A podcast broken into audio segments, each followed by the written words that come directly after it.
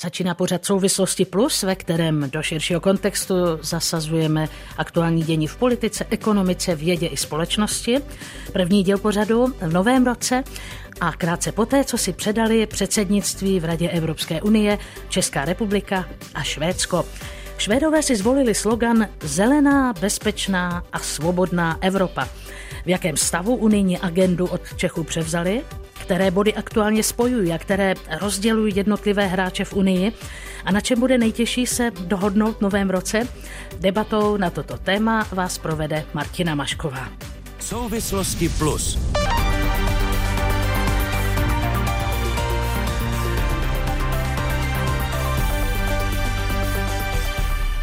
Než představím své hosty, kteří budou v celém tomto našem pořadu, připomeňme si, v jakém stavu odevzdala Česká republika, České předsednictví Švédsku unijní agendu. Mikuláš Beck, minister pro evropské záležitosti, mluvil o tom, že Češi nedělali revoluce, že používali salámovou metodu. A já jsem se ptala na to, jaká agenda byla nejobtížnější, mluvil zejména o vyjednávání s Maďarskem. A pak jsem se ptala, jestli to případně může vést ke změně hlasování v Evropské unii. Minister Beck odpověděl. Ta pravidla rozhodování se v čase v Evropské unii vyvíjejí a dál se budou vyvíjet. Dnes máme v zásadě 80% hlasování kvalifikovanou většinu a jenom v poměrně úzké oblasti, ale citlivé, se rozhoduje jednomyslností. A v Evropské unii zaznívá řada hlasů, které říkají, že by se to mělo v budoucnu změnit. Já sám si myslím, že se to jednoho dne změní, ale možná to bude pestřejší spektrum forem hlasování než ta dnešní kvalifikovaná většina a jednomyslnost, že to budou možná možná další nějaké modely nějakého posíleného veta, více států a podobně. Ta debata poběží, ale není to otázkou nejbližší budoucnosti, je to spíš podle mého názoru otázkou až po dalších volbách do Evropského parlamentu. Jaký kompromis bylo pro vás, pro české předsednictví nejtěžší dojednat? Já myslím, že těch obtížných vyjednávání bylo celá řada, ale asi největší oříšek byla finanční pomoc Ukrajině a zároveň eh, jednání o jakési sankci na kohezní politiku, na, na evropské fondy pro Maďarsko. A tam do poslední chvíle jsme nevěděli, jak to dopadne. Paní velvyslankyně Hrdá řídila to zasedání a my jsme ještě těsně před jeho začátkem konzultovali názory členských zemí a nebylo jisté, jestli se podaří ten průlom. Bylo to velké drama, ale myslím si konec konců, že zastropování plynu bylo vlastně velmi podobné a něco obdobného se odehrávalo i v jiných formacích rady v určitých chvílích, možná s menší viditelností mediální, ale to je prostě každodenní život předsednictví. V jakém stavu předáváte Švédsku v Unii citlivé téma, totiž migrační reformu? Je potom to v českém půlroce jasnější, jak si budou členské státy pomáhat? Já myslím, že tam bohužel se nepodařil zásadní průlom, přestože jsme tomu věnovali obrovskou energii, ale jak se vlastně zhoršuje situace s migrací v Evropě, tak eh, vlastně téměř se dá říct, že klesá ochota členských zemí najít ta společná řešení do budoucna a roste nervozita těch národních vlád. A bohužel tady čeká Švédy a po nich Španěli další práce, abychom stihli dohodnutý harmonogram s Evropským parlamentem. Je vám líto, že se nepodařilo dotáhnout eh, Bulharsko a Rumunsko do Schengenu? Ano, toto je nám moc líto. Česká vláda byla velkým advokátem rozšíření o tyto země. Konec konců Evropská komise potvrdila, že splnili všechny požadavky které jsou proto potřeba. A to rakouské zablokování bylo velkým překvapením pro všechny partnery v Evropské unii a ať se na mě rakouští kolegové nezlobí, ale souviselo prostě s vnitropolitickou situací v Rakousku. Co bude nejcitlivější realizovat z dohodnuté pomoci Ukrajině? Tak já myslím, že nejdůležitější bude udržet vlastně tu jednotnou podporu pro Ukrajinu i v dalším roce, protože nikdo z nás netuší, jak dlouho ten konflikt bude trvat.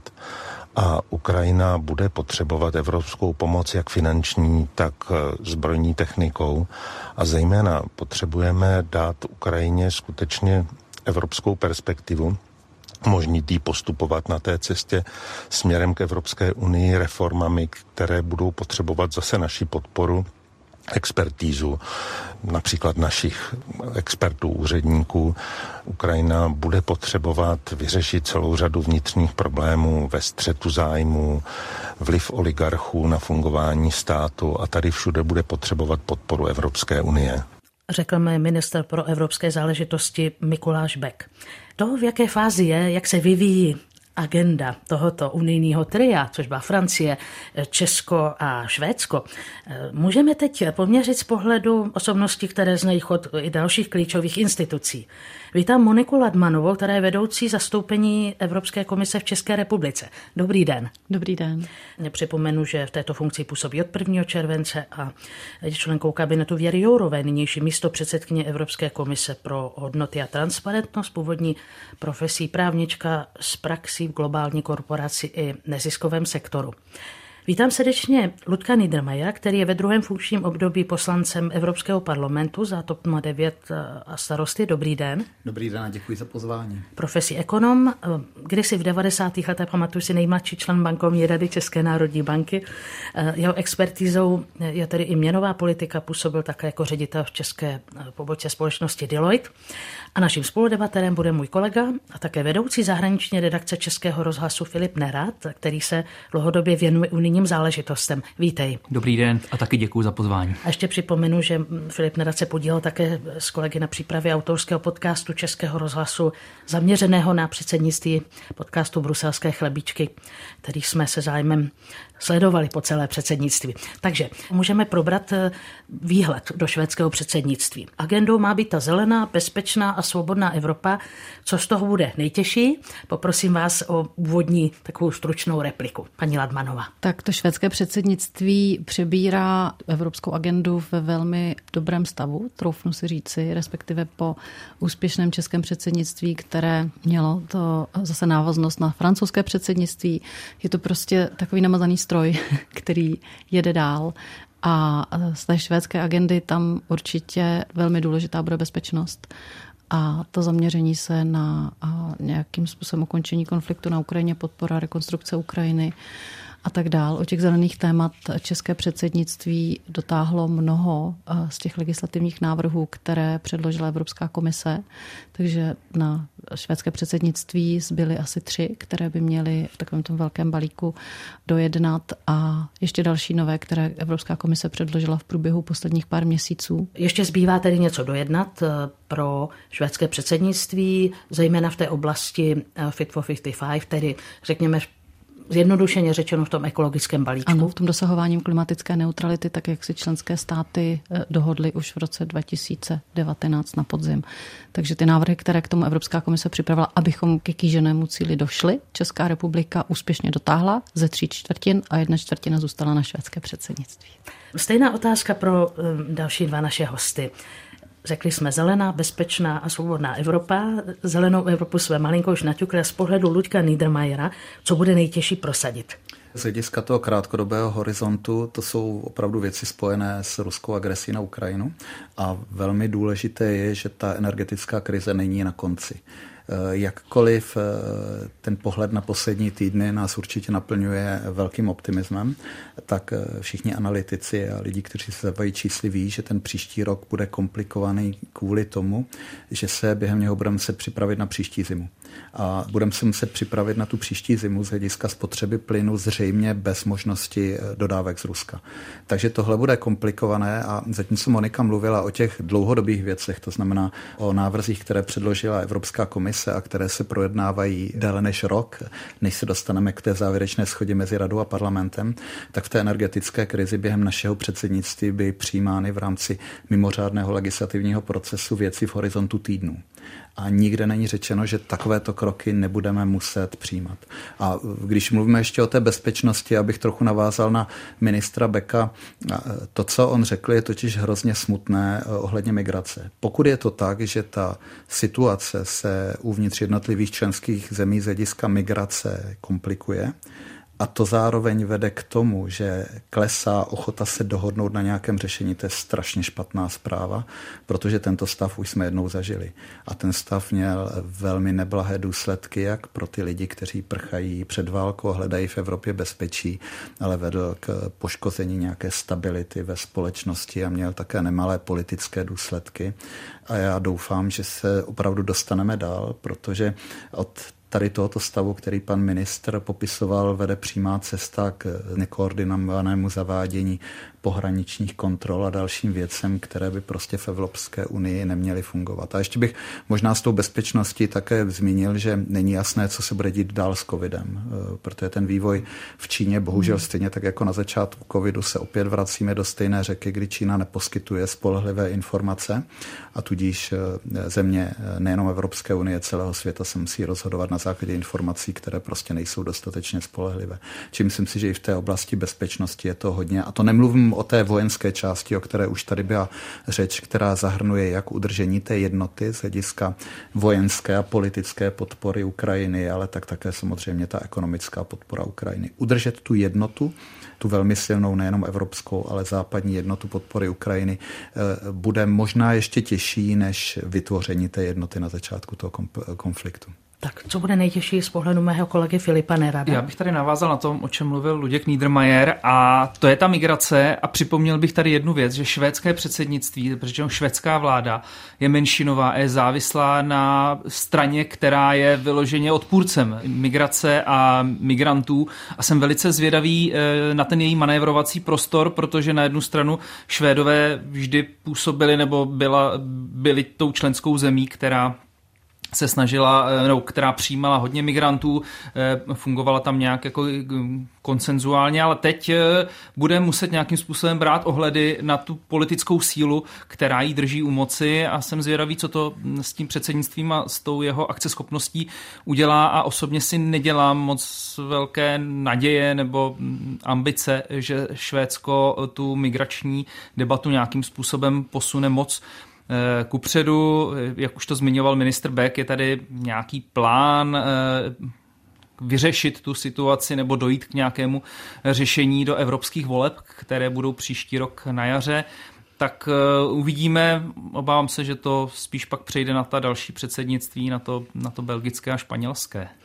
Minister Beck vlastně mluvil o tom, že by ta případná reforma hlasování mohla být až po těch evropských volbách. To je samozřejmě další věc. To většinové hlasování, to je určitě nějaká dlouhodobější záležitost, ale z mého pohledu aspoň ty debaty a ty tendence v Evropské unii směřují k tomu, aby to hlasování pomocí kvalifikované většiny bylo používáno na větší množství eh, oblastí, než je tomu, než je tomu v současnosti. Eh, myslím si, že to tímto směrem směřuje, ale také, že to nebude, eh, že to nebude záležitost tohoto, tohoto roku nebo, nebo příštího. Já se ještě vrátím v té naší debatě další kapitole k těm, řekněme, té náladě v Evropské unii a v náladě předsednictví, které, které tedy začíná, ale dotkneme se teď těch tematických eh, kapitol. Eh, zpomalily se ty ekologické normy typu Fit for 55 kvůli válce, anebo je spíš válka akcelerovala? Jak to vidí Luděk Niedermayer? Spíše to druhé je pravda, protože z okolností eh, dvě z těch hlavních politik, které eh, mají zajistit, že se nejenom Evropská unie, ale celý svět bude chovat zodpovědně vůči eh, naší planetě a našim dětem a jejich dětem předáme tu planetu ve stavu, kdy na ní bude možné dobře žít, jsou navýšení podílu obnovitelných zdrojů a větší efektivita ze zacházení s tou energií. A to jsou přesně ty dvě věci, kterými eh, jsme schopni nejrychleji řešit eh, energetickou krizi. Eh, žádné jiné opatření není možné tak rychle uvést v život, jako například instalaci fotovoltaických panelů na střechu továrny. Ti, kteří to dělají, ví, že i s českým tempem získávání povolení je to otázka na měsíce. To samotné zapojení je otázka na týdny. Žádné jiné opatření není možné udělat tak rychle, a to znamená dostat dostat se ke skutečné odpovědi na tu energetickou krizi, protože čím více té energie vyrobíme tady, tím méně energetických surovin musíme dovážet. A stejně tak v oblasti té energetické efektivity, i když samozřejmě rekonstrukce domu, zateplení domu, výměna stavebních prvků, jako jsou okna, je záležitost, řekněme, na měsíce, tak stejně když to srovnáme například se stavbou nové elektrárny, která v případě tepelných elektráren eh, jsou jednotky roku, v případě jaderných elektráren jsou desetiletí, tak je jasné, že tohle právě musíme urychlit. A, a konec konců eh, přesně to se stalo, protože jestli na začátku po předložení těch komisních návrhů eh, byla docela velká diskuze o tom, jestli ty cíle nejsou příliš vysoké, tak vlastně někdy na konci léta ta diskuze úplně otočila a vlastně e, i ti, kteří pár týdnů předtím kritizovali to nastavení těch cílů, e, byli často těmi, kteří navrhli zvýšení těch cílů, například u obnovitelných zdrojů a energetické efektivity. Čili e, já jsem se od začátku divil těm zejména českým hlasům, které říkali, začala válka, Fit for 55, klima, tak to jsou mrtvé věci. Zaprvé to mrtvé věci nejsou, protože pokud chceme planetu ochránit pro naše děti, tak nemůžeme říct, že počkáme, až přestane pršet, skončí covid, skončí válka, poroste ekonomika a bla, bla, bla, představte si cokoliv.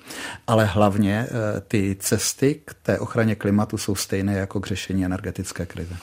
A co z pohledu Evropské komise a mého hosta, tedy eh, šéfky zastoupení Evropské komise tady v Praze, bude nejpodstatnější pro zachování důvěry občanů v Evropskou unii, v evropské instituce, právě v čase drahých energií. Ta energetická dostupnost energetická bezpečnost se týká každého z nás. To je něco, co zasáhlo každou domácnost, každou rodinu. A jakkoliv se mohlo na začátku minulého roku, kdy už vlastně ty signály a nějaké návrhy ve smyslu změny chování spotřebitelů byly a vycházely z Evropské komise, se mohlo zdát, že je to trochu vzdálené pro každého jednotlivce, že by se tomu měly věnovat nějaké větší celky. Tak najednou vlastně s tím zvýšením cen energií se to prostě dotklo každého z nás. Takže takové to zachování toho sociálního smíru a zároveň při těch změnách, které se nastavují, při té reformě, která vlastně znamená velikou změnu, když to srovnáme s nějakou parní revolucí, tak vlastně nezapomínat a vyrovnávat ty dopady, které to může mít na jednotlivé obyvatele, na jednotlivé sociální vrstvy obyvatel. A tam si myslím, že Evropská komise je si toho velmi doma a bedlivě sleduje a má k dispozici data, respektive si ta data neustále obnovuje, tak aby věděla, jak ty jednotlivé návrhy mohou dopadat. A už jsme tady slyšeli, ta situace se stále vyvíjí. Prostě my, my žijeme v takové velmi neklidné době a ty návrhy, které vychází z Evropské komise, nejsou v určitém smyslu takový ten business as usual. Není to to běžné, kdy si komise na začátku roku řekne, tak teď uděláme tohle, v příštím čtvrtletí tohle a tak dál. To je prostě živý organismus. Ty věci přicházejí s tím, jak se vyvíjí i ta celková situace. To, co se stanoví jako hlavní cíle nebo jako hlavní prioritní oblasti, tak to zůstává. Ale to, jak se vyplňují, tak to je okamžitá reakce občas i na ty situace, které nastávají, zejména v té energetické oblasti. A my jsme byli zvyklí ještě v roce 2019 před eh, pandemí covidu, že pokud se něco navrhlo jako legislativa nebo jakékoliv opatření ze strany Evropské komise, tak ten schvalovací proces trval někdy roky nebo vždycky roky. Když byl covid, tak najednou nastala potřeba jednat trochu rychleji. Že jo, takové to přijímání opatření k té průchodnosti hranic pro zásobování jednotlivých zemí nebo eh, distribuce vakcín, nebo pokud šlo ty covidové pasy tak tam bylo potřeba během několika měsíců nebo i týdnů se dohodnout. Ale to, co se dělo teď od toho 24. února, tak to už mluvíme právě o řádech týdnů nebo někdy i dnů. A tam tedy české předsednictví a malíme si čistého vína se hrálo velmi důležitou roli v té flexibilitě, v té schopnosti dojednávání kompromisů a v tom, že tu rychlost vlastně zachovalo a pomohlo posunout ty věci ku předu. Ukázalo se, že Češi jsou dobrými improvizátory, zdá se. Já jsem, chtěl, já jsem chtěl reagovat třeba v otázce sankcí. To bylo uh, typické, kdy sankce se opravdu často dojednávaly měsíce a teď třeba ty poslední proti Iránu se dohodly během jednoho týdne, což je na Evropskou unii neskutečné tempo, troufnu si říct, v historii nevýdané. Pokud švédské předsednictví zároveň říká, že se chce zaměřit na zachování prosperity v 27 Co to obnáší? Samozřejmě, že eh, to šetření musí být nějakým způsobem rozumné, aby ekonomika mohla dál eh, fungovat, aby Evropská unie byla dál konkurenceschopným hráčem na tom světovém eh, trhu a v tomto směru přijímat, přijímat ta opatření. Takže my sice musíme energii šetřit, pokusit se definitivně odříznout od té závislosti na ruském plynu, kterou jsme výrazně, nebo Evropská unie během toho uplynulého roku výrazně snížila, ale stále mm, tam nějaká surovinová eh, závislost nebo ty dodávky tam nějaké jsou a teď jde o to dokončit tento proces, aby v tomto ohledu Rusko už nemělo na Evropskou unii žádné páky, ale současně mm, ta opatření musí být tak eh, vyvážená, aby to eh, Evropu jako celek a ty jednotlivé státy nějakým způsobem na tom mezinárodním trhu neoslabilo a neprofitovali z toho jiní velcí hráči. A tím teď koukám ať už směrem na Čínu nebo, nebo na Spojené státy, takže Evropská unie si i v rámci tady toho musí zachovat nějakou konkurenceschopnost a zůstat tím ekonomickým lídrem eh, na tom, na tom světovém poli. Říká můj kolega Filip Nerad, vedoucí zahraniční redakce Českého rozhlasu, je hostem pořadu Souvislosti Plus dnes spolu s Monikou Ladmanovou, vedoucí zastoupení Evropské komise v Praze v České republice a europoslancem Luďkem Niedermayerem. Posloucháte Souvislosti Plus, diskuzi, která vnáší do problémů jasno. Poslechněte si je také na webu plus.rozhlas.cz aplikaci Můj rozhlas a v dalších podcastových aplikacích. Jak velkou má Česká republika šanci si udržet své know-how a také své vyjednavače na špičkových pozicích unijních institucí, zvláště pak v komisi. V roce 2009 se to podle aktérů toho původního českého, toho prvního českého předsednictví nepodařilo. Citlivá otázka pro Moniku Ladmanovou, vidíte. ano, citlivá otázka pro mě. V evropských institucích pracuje několik tisíc velmi schopných a šikovných Čechů a Češek, kteří se do těch svých rolí dostali díky svým vlastním schopnostem, kompetencím, nasazení a tak dále. Ale doposud nemáme zaplněnou takovou kvótu pomyslnou, kterou eh, jednotlivé členské země mají. Pokud bychom chtěli říct, že to zastoupení jednotlivých národností v evropských institucích je vyrovnané. A nemáme rozhodně naplněnou pomyslnou kvótu, pokud jde o vysoké pozice v evropských institucích. A tam je to velmi citlivé, jak jste řekla, protože to jsou takové antény pro Českou republiku. Tyhle místa, to jsou vlastně lidé, kteří ovlivňují přímo tvorbu legislativy a jiných opatření. A oni do toho mohou vnést ten pohled, tu historickou zkušenost, ehm, to, co si nesou sebou z toho svého zázemí, ze kterého pocházejí. To znamená odrazit tam i ty české zájmy, nepřímo. Nemyslím teď politické zájmy, ale prostě to, jak to vidí střední Evropa, když to řeknu takhle. A Česká republika prozatím nemá dostatečné zastoupení takových eh, odborníků nebo odbornic ve vysokých rolích v jednotlivých institucích ale tím, že teď eh, prokázala a zviditelnila mnoho šikovných diplomatů, diplomatek, úředníků a úřednic během předsednictví, protože to byli oni, kteří denně telefonovali svým kolegům, ať už v komisi nebo i v jiných členských státech a vyjednávali s nimi, tak eh, si myslím, že má velké šance, pokud eh, bude vyhlášené výběrové řízení transparentní, tak jak je to vždycky v evropských institucích, se do nich přihlásit a to rozhodování probíhá tak, že pokud někdo prokáže schopnosti ve výběrovém řízení, těch kandidátů je tam většinou hodně. A dokážete si představit, že konkurence z jednotlivých členských států je veliká. Ale pokud bude ještě k tomu nějaká soustředěná politická aktivita, kdy zástupci České republiky na nejvyšší úrovni budou eh, aktivní v tom, aby tyhle kandidáty podpořili, tak je velká šance, že několik, jak bych řekla, jedinců, nebude to samozřejmě v desítkách, na ty vysoká místa v Evropské komisi dostanou. Vidíte to, my další dva hosté ve studiu také nadějněji, Filip Nerad. Já jsem, to, já jsem chtěl doplnit, Monika Ladmanová je slušná, nemenovala. Tady by to chtělo, eh, aby se do toho zapojil přímo premiér Petr Fiala a když bude v takové situaci mluvit s Ursulou von der Leyenovou, tak jí řekl, podívejte se tady, náš XY odtáhl to předsednictví, skvělý diplomat, to je prostě ideální kandidát na to uvolněné místo toho generálního ředitele nebo zástupce generálního ředitele, kde ještě nikdy nebyl žádný ten eh, český zástupce. A toto předsednictví by si to opravdu zasloužilo, kdyby někdo z těch skvělých vyjednavačů eh, takovou, tako, se na takové místo dostal. Ale přesně, eh, jak říkala Monika Ladmanová, je potřeba i ta politická podpora a to opravdu na těch, eh, na těch nejvyšších místech.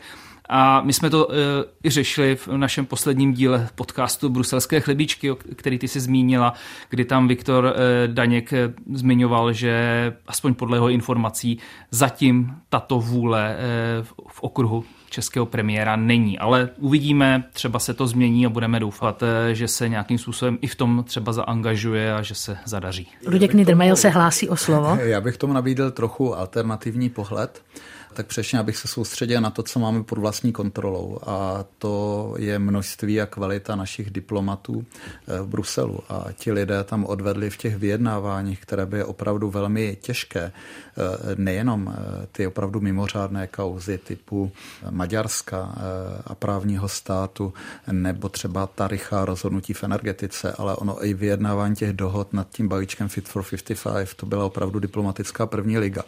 A ukázalo se, že naši lidi z našeho zastoupení umí tuto ligu hrát. A já se teďka velmi obávám, jestli z nějakých úsporných důvodů eh, neskončíme u toho, že většina z nich bude propuštěna, protože se řekne, že předsednictví skončilo, tolik lidí nepotřebujeme a my zároveň přijdeme o tu expertízu, protože není pravda, že ten svůj názor můžete prosazovat v Evropské unii jenom když jste předsednictví. Ono je to někdy paradoxně naopak. Ta předsednická země musí upřednostňovat hledání toho kompromisu, ale ta expertíza těch lidí by se dala využít k tomu, aby abychom měli větší otisk v těch kompromisních rozhodnutí. Čili nemáte, te... nemáte šanci nějak ovlivnit své spolustraníky, kteří rovněž sedí ve vládě, aby se zasadili o to, aby Češi tedy mohli zůstat na té špici evropské diplomacie? Já o tom mluvím a mluvím o tom dlouho, protože tuhle šanci po tom prvním předsednictví před mnoha, mnoha lety jsme promeškali a já často uvádím, že mám zkušenosti se slovenskými diplomaty, kde po předsednictví tam opravdu hodně kvalitních lidí eh, zůstalo a třeba paradoxně já za ta léta mám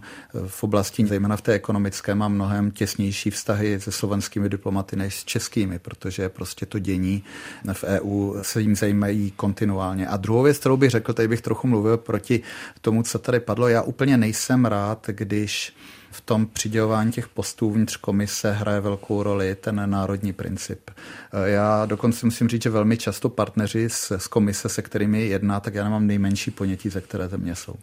Ale samozřejmě, já bych hrozně rád, kdyby naši kvalitní lidé se tam dostali co nejvýš. A ne proto jenom, že jsou naši spoluobčané, ale protože jsou velmi kvalitní. To je podle mě jako základ. Ale bohužel takové to rozkulačování těch funkcí podle toho, že tak tady musí být Britové by hrozně efektivně měli tam spoustu lidí, tady musí být Skandinávec, tady musí být Němec, tady musí být Ital, tady musí být Španěl někdy fakt vede k tomu, že ti lidi úplně nerespektují ten svůj mandát. A ten mandát je dělat práci pro evropské občany, pro Evropskou unii jako celek a trochu příliš jsou navázáni na tu domácí politiku a musím říct, že to nevede k dobrým výsledkům. Čili myslím si, že bychom měli mít náš férový podíl, ale to tím, že tam budou se hlásit opravdu velmi kvalitní lidi, ale v okamžiku, kdy začneme ty evropské instituce rozkulačovat po těch jednotlivých zemích, tak si nejsem jistý, že to vede k té lepší evropské politice, kterou, jak se ukazuje, Evropská unie potřebuje. A je to mimochodem přesně ta politika, která eh, vytváří podporu lidí Evropské unii. Většina lidí neví, jak Evropská unie funguje, kdo sedí kde na jaké židli ale vidí, jestli se nám daří řešit covidová krize. No, na začátku to byla katastrofa, div, že jsme se nepřetahovali na hranicích roušky. Nakonec jsme zachránili stovky tisíc lidí tím, že jsme získali rychle vakcíny a férově jsme dělili. Podařilo se nám opravdu vyřešit bezprecedentní energetická krize. Kdyby někdo řekl, že eh, někdy v březnu, že tu tento rok zvládneme se zastavenými dodávkami plynu z Ruska, tak by tomu eh, nikdo nevěřil. Čili myslím si, že lidi od Evropské unie očekávají, že bude fungovat. Že v té oblasti, kde má kompetenci, bude dělat ta správná rozhodnutí a bude lidem usnadňovat život. A k tomu nevede cesta přesto, že si rozdělíme, který post má který člověk z které země, ale že ti lidi budou velmi kompetentní a budou se soustředit na zájem toho celku. Vrátím se na Filipa Nerada. My jsme všichni sledovali ke konci toho českého předsednictví to přehlasované Německo v dohodě o zastropování plynu.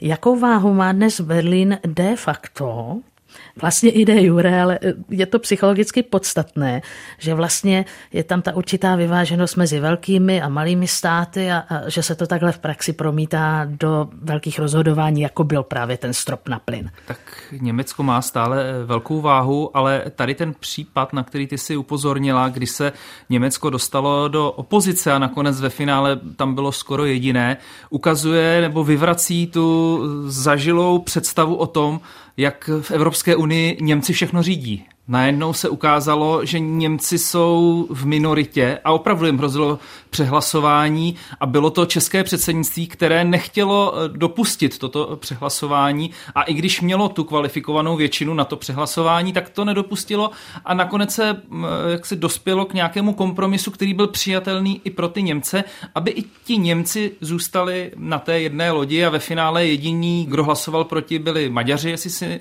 nepletu, a byli tam další dvě členské země, Nizozemsko, Dánsko, kdo, kdo se zdrželi ale jinak Němci jako takový to nakonec podpořili, takže eh, české předsednictví nešlo tím eh, směrem, tak teď si na nich zgustnem, když můžeme přehlasovat Němce, tak teď jim ukážeme, že i my můžeme. Naopak my jsme se to, nebo Česká republika to vyřešila poměrně elegantně, čímž eh, si z toho může také do budoucna profitovat, až se zase bude lámat chléb v nějaké jiné otázce. Takže abych se vrátil k té původní otázce, Samozřejmě Německo je stále významným hráčem, se kterým se musí jednat. Teď se tam akorát změnila politická situace v tom, že je tam vládní trojkoalice, kdy ty tři strany a jejich představitelé spolu ve všem úplně nesouhlasí a najít tu dohodu je někdy složité, takže třeba tady u těch cen plynu to hodně naráželo na to, že představy ministra Hábeka a jeho schopnost pro něco tam zvednout ruku byla limitovaná tím, že potřeboval na všechno mít souhlas eh, kancelářského úřadu a kancléře Šolce, který je z jiné strany.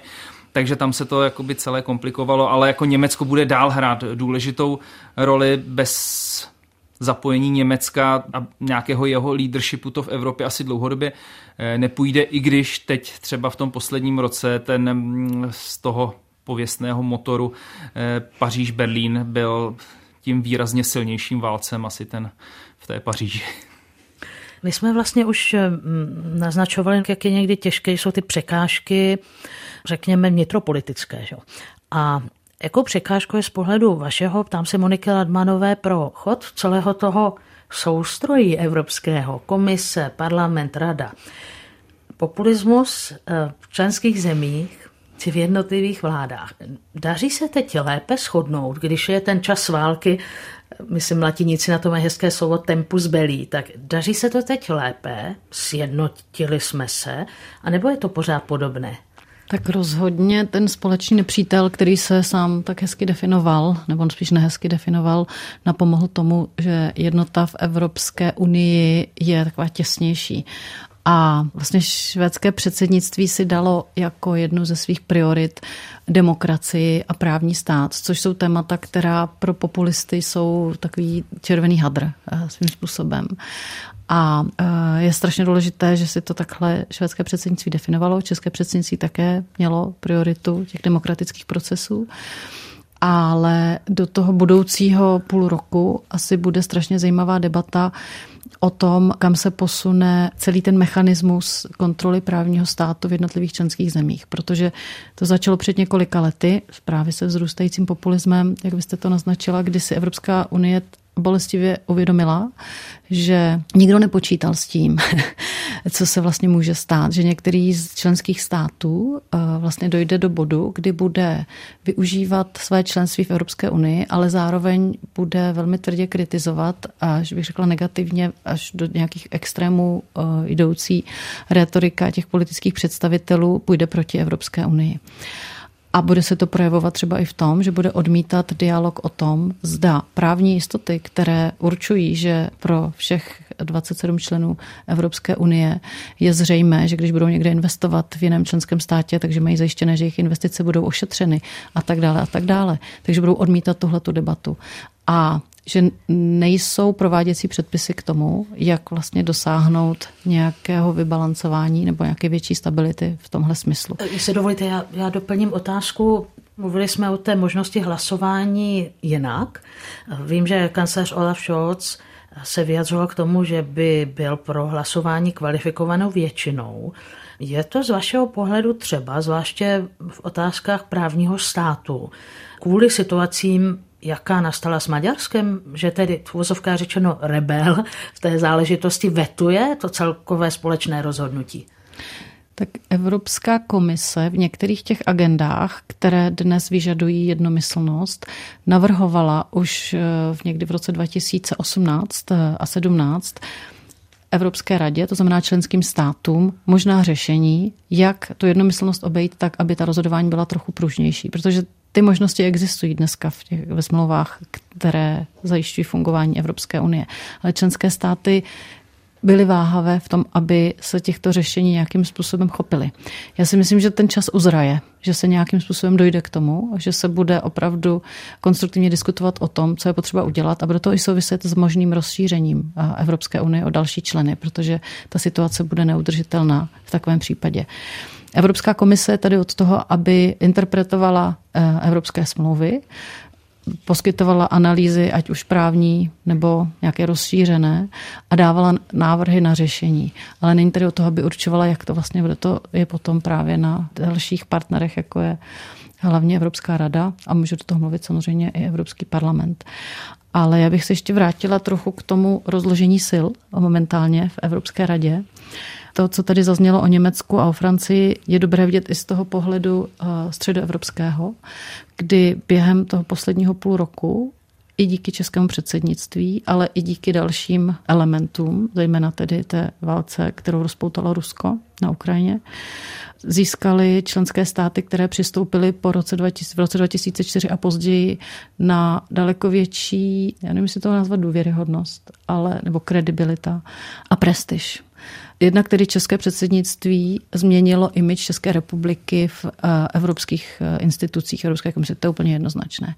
Ale i to, že vlastně dopředu a dlouhodobě státy eh, střední Evropy varovaly před tím, co se může stát a jaké mohou být ty následky, ale nebyly úplně vyslyšeny a pak jim bylo dáno za pravdu. Tak to má velký význam v tom, kam se vlastně přesouvá těžiště nebo jakým způsobem ta rovnováha v té Evropské radě funguje a bude fungovat. Hmm.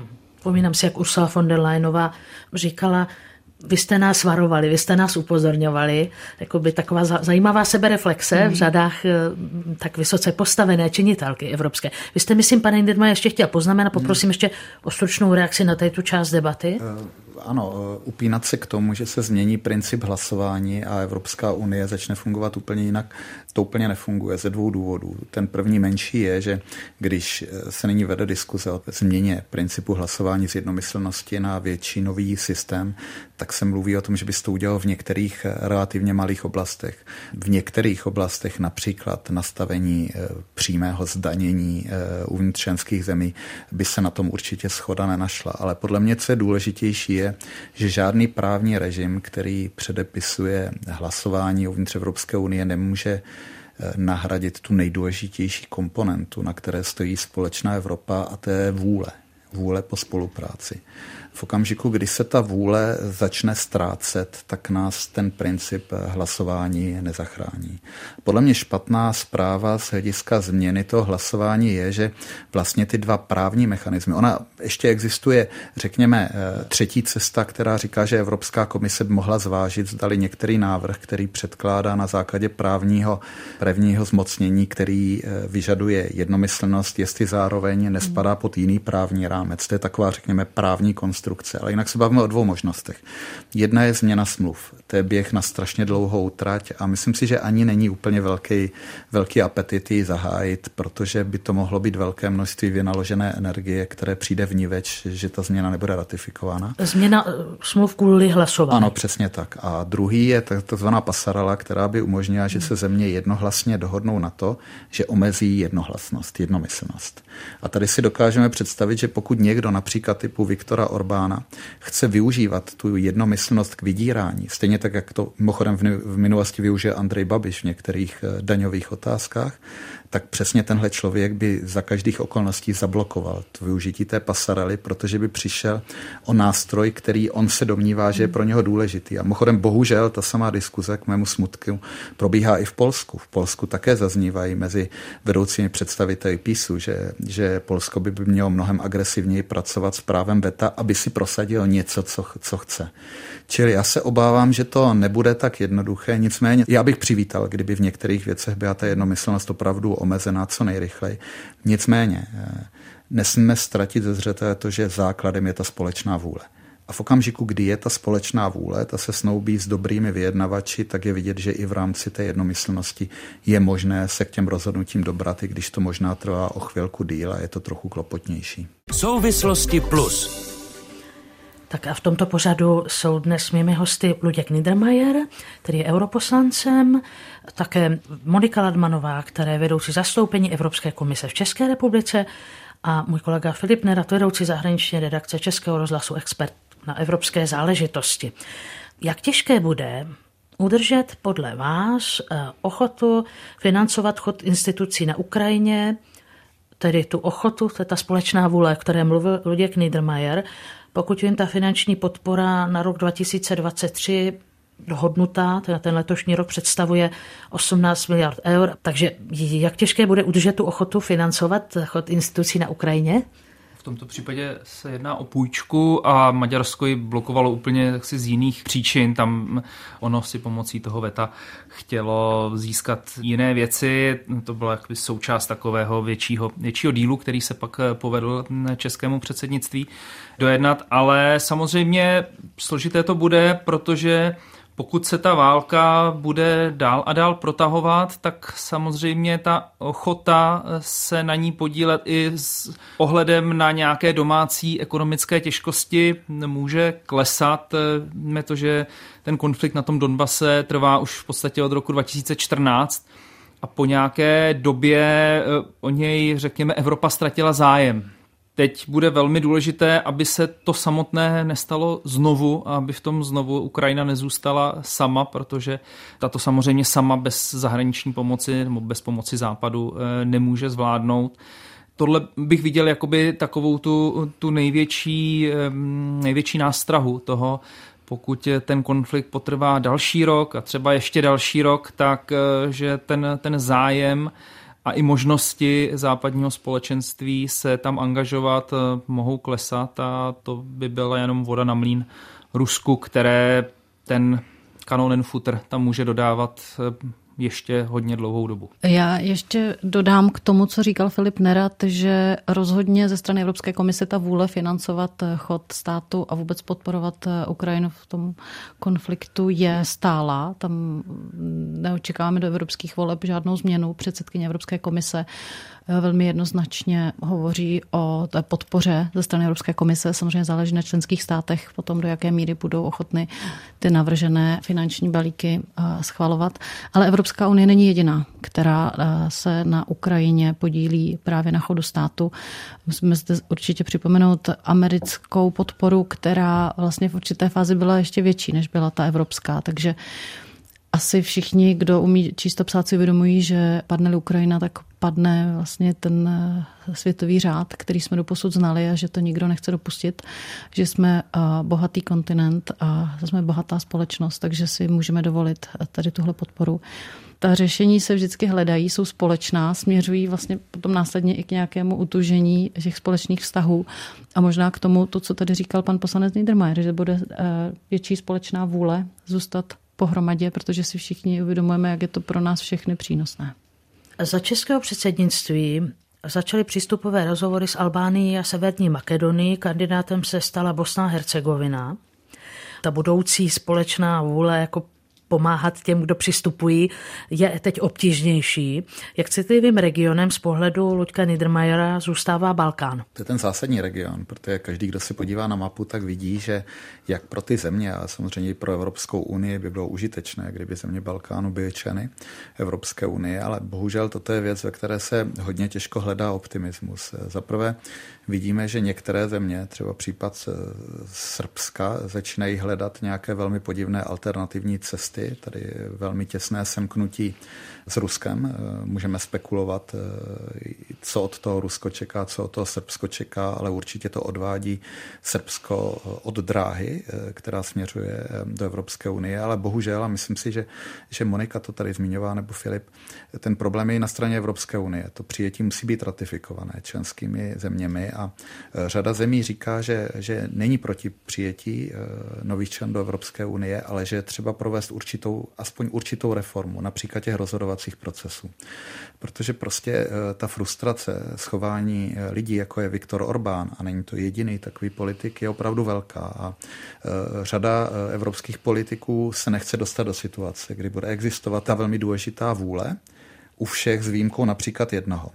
A výsledkem toho bude, že ty rozhodnutí budou buď to zablokované, anebo se budou hledat velmi komplikované právní obezličky, jak vlastně ty veta obejít. A i ty právní obezličky vlastně vedou k určitém rozložení Evropské unie, protože vlastně nás dostávají z té unijní logiky eh, k nějaké mezivládní logice, mezivládních dohod. A proto potomhle řada lidí volá, ale zároveň, eh, jak jsem tady já zmínil, a nevím, jestli eh, dalšího jste se mnou souhlasí, ta cesta například jenom k nějaké malé reformě toho rozhodování je docela daleka. Já stejně věřím, že v okamžiku, kdyby země třeba jako Albánie opravdu splní všechny ty boxy, jak se říká, splní všechny ty přístupové jednání, tak i když možná s nevelkou ochotou, ale ten souhlas se napříč tou 27 nalezne, ale pohybujeme se na velmi tenkém ledě a bohužel teda jak ze strany některých těch kandidátských zemí, tak zejména toho rozhodování uvnitř Evropské unie. No a ten citlivý bod rozhodování, vracíme se vlastně okékou zpátky k té migrační záležitosti. Jak eh, citlivé to bude téma, jak tedy rozpracována je ta společná migrační strategie momentálně? Poprosím Moniku Ladmanovou. Mhm. Uh-huh. On už to tady zmínil Filip Nerad. Eh, před dvěma lety Evropská komise předložila návrh reformy migrační politiky evropské, protože nějaká migrační politika existuje, nějakým způsobem funguje. V roce 2016-17 se ukázalo, že není úplně efektivní a že je dobré ji reformovat a revidovat. Ta reforma byla provedena, troufám si říci, s citlivostí k požadavkům a ke kulturám nebo nějakým kulturním historickým kontextům jednotlivých členských států, tak aby se mohlo dojít nějakého kompromisu. Jenže mezi tím přišel covid a mezi tím přišly zase jiné výzvy, takže se trošku zpomalilo schvalování tady té priority, která v té době se zdála, že neexistuje nic prioritnějšího, než je balíček um, migrační reformy. A momentálně se vlastně ještě znovu reviduje to, co bylo navrženo před těmi dvěmi lety. Já jsem přesvědčena osobně o tom, že se k nějaké dohodě mezi členskými státy dojde. Do toho zase vstoupila válka na Ukrajině, kdy se vlastně poprvé, mluvili jsme tady o tom, aktivovala dočasná eh, ochrana, ten institut, který byl v té původní migrační politice jako možnost. Takže se ukazuje, že některé ty instituty z té původní politiky zase fungují a jsou celkem efektivní, protože to umožnilo milionům eh, Ukrajinců přístup na pracovní trh, sociální pojištění a tak dále. Takže já si myslím, že teď se to všechno zase tak jako se sype dohromady a bude se debatovat o tom, jakým směrem se ta migrace vydá. To nebude mrtvé téma, to bude stále živé téma a ten výsledek, ten vlastně se bude možná revidovat. No, jako, jako to může mít podobu, podle Filipa no, já bych, jednak bych navázal na to, co říkala Monika Ladmanová, že ta válka na Ukrajině a ta obrovská migrační vlna, která vyhnala Ukrajince, trochu změnila to hrací pole, protože ty státy, které v té první migrační krizi, když ji tak nazveme, ty eh, roky 2015 a 2016 byly striktně proti a odmítali jakékoliv solidární opatření, protože jich se to vlastně netýká, tak proč bychom se toho měli účastnit. Tak teď eh, po té eh, ukrajinské migrační vlně, tak teď už má opravdu v Evropské unii asi každý nějakou zkušenost s příchodem a přijetím nějakého většího množství migrantů, takže taková ta solidarita a ochota pomoct už se projevila všude, takže to myslím změnilo trochu tu atmosféru eh, v Evropské unii, která je teď nakloněnější eh, dobrat se nějakému tomu výsledku, ale stále to zůstává velmi citlivým tématem a viděli jsme to jak za francouzského, tak za českého předsednictví, kdy obě ta předsednictví přišla s nějakými eh, návrhy a byly, řekněme, přijaty pozitivně, ale že by se to projednávání té migrační reformy někam výrazně posunulo, to se neposunulo. A obávám se, že tady to posouvání se milimetrovými kroky bude asi pokračovat a proto jsem říkal, že jsem i tak trochu skeptik, zda se to stihne vůbec do těch eh, evropských voleb v roce 2024 protože pro spoustu politiků spíš je to stále citlivé téma, ta obava toho, že to zneužijí ty populistické síly ve členských zemích, jak si tady o tom mluvila ty, tady stále je. Ehm, teď právě třeba ten eh, rakouský odpor proti rozšíření šengenského prostoru o Bulharsko a Rumunsko, ten měl kořeny právě v domácí debatě a obavě z příchodu dalších eh, migrantů po té eh, západobalkánské trase kudy do Evropy stále proudí eh, lidé, takže pro Evropu to bude stále velice citlivé, ač se ty podmínky pro nalezení nějaké dohody podle mě zlepšily nebo ty naděje jsou vyšší, tak ty debaty budou stále nesmírně složité. Ale jenom krátce, zase se mluví o možnosti třeba zrychleného přijímání kandidátů do určitých oblastí unijní politiky, aby to čekatelství nebylo tak vyčerpávající, takže by to, co už zvládla, ten svůj domácí úkol, že by se zapojila? Ano, že by se udělala ještě více rychlostnější Evropa, než, než, než už ji máme. Ano, bylo by, to, bylo by to řešení, je to na stole, ale opět si nemyslím, eh, že, že na tom bude nějaká rychlá schoda, protože ty stávající členské země, zejména ty starší, si podle mě budou chtít eh, ponechat mít tu, tu kontrolu nad tím, eh, kdo bude jak moci využívat výhody členství v Evropské unii. Vy jste chtěl poznamenat, Ludvík Niedermayer? V té migraci, eh, já myslím, že my hlavně potřebujeme funkční řešení. A my už léta zkoušíme to, co není funkční. Eh, teďka to vypadá, že se zase vracíme k tomu modelu, že ti migranti jsou otázkou té země, do které vstoupili. Ty země na to reagují naprosto logicky tím, že se tváří, že tam nevstoupili a pošlou je přes hranice do jiné země. V té jiné jiné zemi se vedou dlouhé diskuze, odkud ten člověk vlastně přišel, kam se mají vrátit, či jsme v nefunkčním řešení, které nevede k nějakému velkému problému jenom kvůli tomu, že těch migrantů e, není tolik. Či já myslím, my se musíme vrátit k tomu, a uvědomit si, jak se nám podařilo vyřešit tu energetickou krizi. Kdybychom takto přistupovali k energetické krizi, tak by řada zemí řekla, vždyť my nemáme žádný problém s energiemi, vždyť my máme terminály, my umíme k těm terminálům poslat tankery, to je problém těch ostatních. My jsme to neudělali. I Španělsko, které by nemuselo mít problém s energiemi, se zavázalo šetřit těmi energiemi, aby pomohlo stlačit cenu napříč Evropskou unii. Naše dodávky plynu stojí na tom, že nám německé produktovody pošlou do České republiky ten plyn. Stejně tak musíme najít nějaké společné solidární řešení s tou migrací, protože eh, to testování těch řešení, která nefungují, eh, je prostě špatné. Čili já neříkám, jak přesně to řešení vypadá. Nejsem si úplně jistý, že Švédsko v tomhle bude velkou přidanou hodnotou, protože mám pocit, že ta vláda se hodně bude soustředit na vládnutí ve Švédsku. Řekl bych, že ona nebude asi ta země, která má velký akcent na to předsednictví. A navíc vy jste tady zmínila, že z hlediska té migrace eh, ona je v docela nestandardní švédské pozici, ale Evropa potřebuje funkční řešení, potřebuje takové řešení, který těm, kteří si zaslouží pomoc, pomoc poskytne a těm, kteří eh, do Evropy jdou pouze, za, pouze v úvozovkách za eh, lepším sociálním statutem, tak ti prostě to právo zde pobývat nedostanou. Potřebujeme se dostat k funkčnímu řešení eh, napříč Evropskou unii a ne stále zkoušet ty slepé uličky. Ještě jeden praktický detail na závěr a slovo pro Moniku Ladmanovou. V Chorvatsku se od 1. ledna platí eurem. Jakým magnetem je z vašeho pohledu, anebo není, aktuálně ta společná měna pro Česko? Případně pro další aspiranty, ale a máme tady ekonoma, který by se k tomu určitě vyjádřil fundovaněji.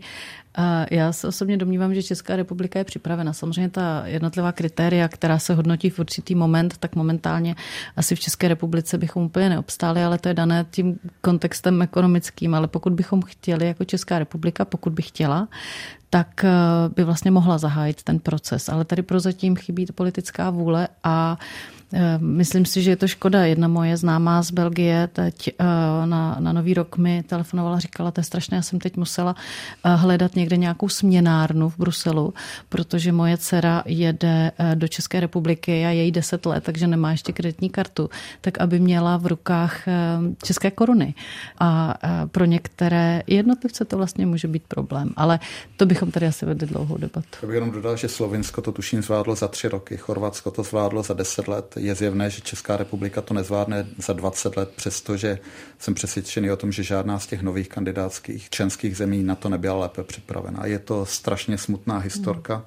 A proto já neustále opakuji apel na tuto vládu, aby aspoň vstoupila do té čekárny na přijetí eura, aby příští vláda mohla fakticky politicky rozhodnout o přijetí eura někdy kolem roku 2027-2028, protože v opačném případě se teoreticky začneme bavit o přijetí eura někdy v příštím dekádě, což je úplně absurdní z pozice České republiky a navíc to naši ekonomiku poškodí. Já bych řekl, že v, Česk- v případě České republiky je to čistě jenom otázka politické vůle. Tak eh, uzavřeli jsme debatu, kterou jsme rámovali, tou předávkou předsednictví mezi Českou republikou a Švédskem, začínající érou švédského předsednictví a stavem evropské integrace v této chvíli, v této aktuální fázi.